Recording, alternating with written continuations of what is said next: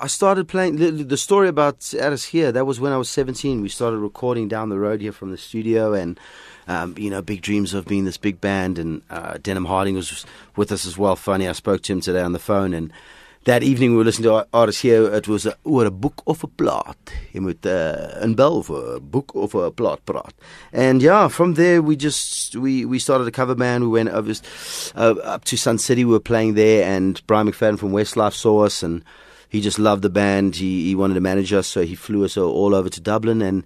Uh, you know, we started recording and released a, a single there. Got to the top twenty, and around him just met amazing people from uh, I mean from Bono to to Enrique Iglesias to having dinner with Russell Crowe to uh, just mad stuff and then uh, you know riding with amazing riders like uh, Billy Mann from who writes for Pink and and David Schuler as well and Natalie Imbruglia's uh, writer Phil Thornalley and and ended up just traveling London Sydney Nashville spent a month in Nashville which was amazing and just all brought me back to South Africa. I just couldn't be away from home. I, th- I think it was 12, 13 years. And funny, I, I, was trying to go hit the big time overseas, as we, we all say.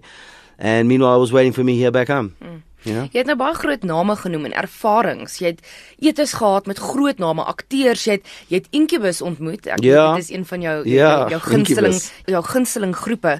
Jy het teruggekom Suid-Afrika toe. Hoekom het jy toe besluit om aan The Voice deel te neem?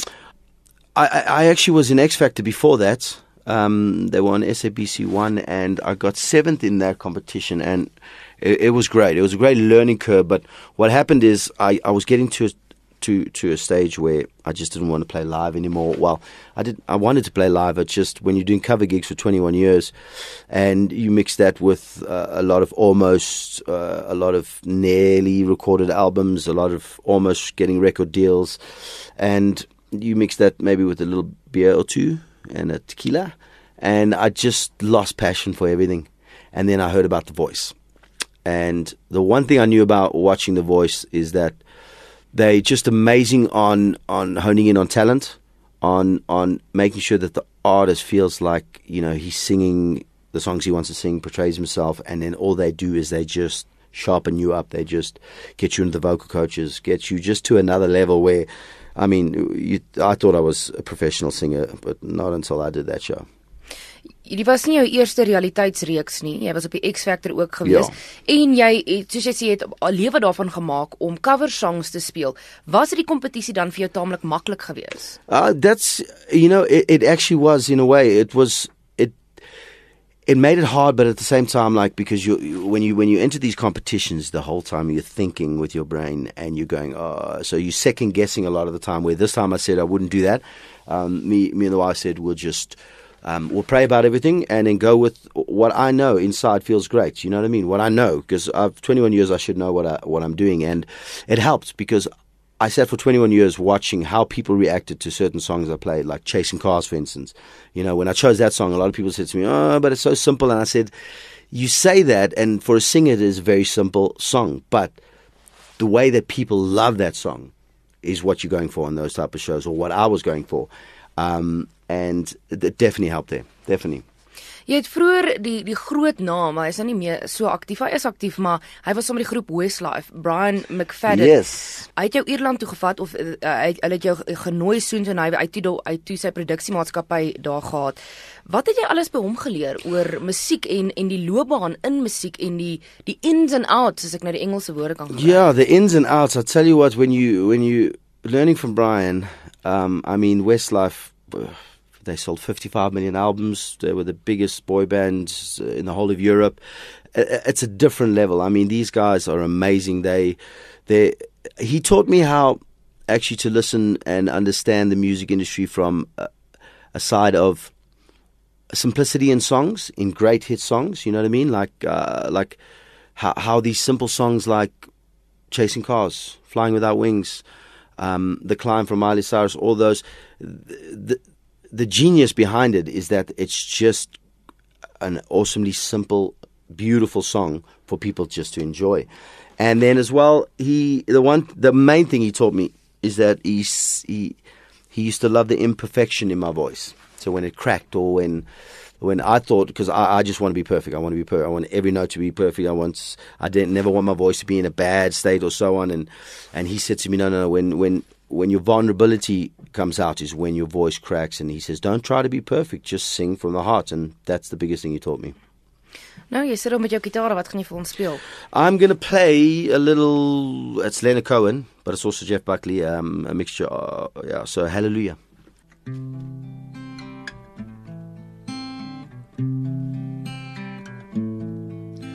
Well, I heard there was a secret chord David played yeah to please the Lord, but you don't really care for music, do you? Well, it goes like this: the fourth, fifth, minor fall, yeah, the major lift, baffled king composing, hallelujah. Hallelujah. Hallelujah. Hallelujah. Hallelujah.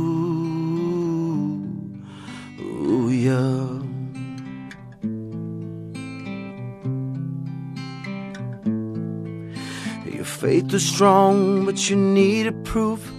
You saw him bathing on the roof, and beauty and the moonlight overthrew you.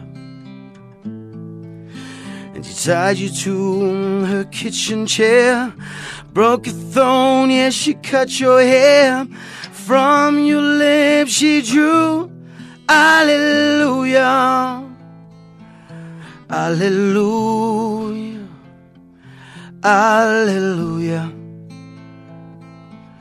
Hallelujah. Hallelujah.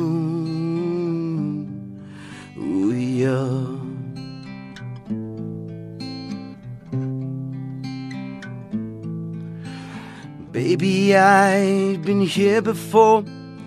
Seen this room, yet I've walked this floor.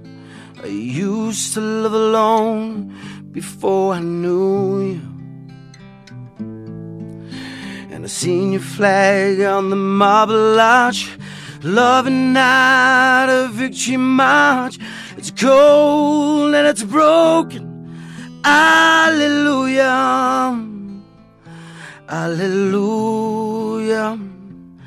Hallelujah. Hallelujah. Hallelujah.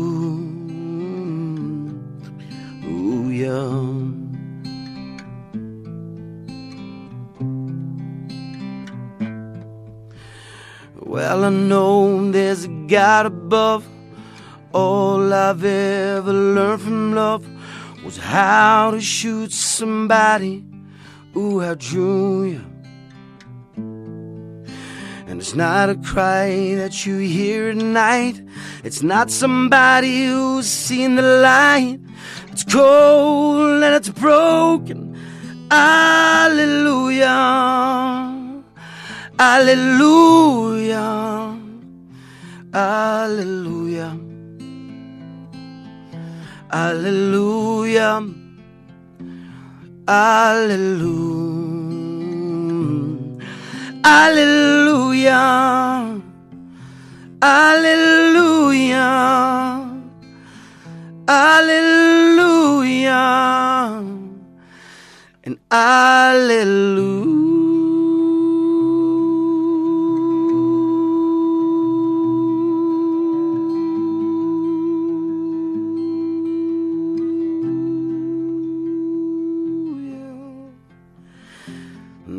Hallelujah. Hallelujah.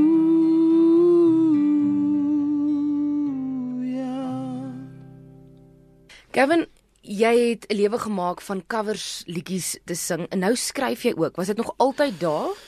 Um, I've always been writing. I, uh, especially when I left left the band in, in, in Ireland, I went up to Brian and I said, you know, I just want to go figure out this whole songwriting thing. So he was he backed me up on that and, and, and helped me to go around to London, to Nashville, to everywhere just to write with writers. So I've been writing a lot. Um, and in this industry, the the tough thing is you need the audience. You need the audience that are going to buy the albums, things like that. Because nowadays there's so many, so many singers, so many bands, so many amazing songs, um, and it's just, it's all about timing. It really is. Like, I had the songs, I, ju- I just wasn't ready to put things out as well because I was in no state to do that. Um, I just, uh, I didn't understand really what I had. Um, I was just playing playing shows, having drinks, having a fun time where, you know, I didn't get down to actually just getting to business, you know, mm. and taking it seriously and not messing around and getting prepared for things and and doing the due diligence instead of just you know wanting to have a big fat party all the time. So uh, so now with the album, uh, we're getting ready for that, and you know, like we we're sourcing from my songs, we're sourcing from other other other writers as well. I, I want every song on that album just to be amazing. So uh, uh, I understand at the same time, like even though I want an album full of my songs, that'll come. Right now, I've been given the opportunity to to work with Universal and get an amazing album out. And off the back of the show, a lot of people are out there, like you know, waiting to support us. So I just want to make sure that everything on it is just amazing.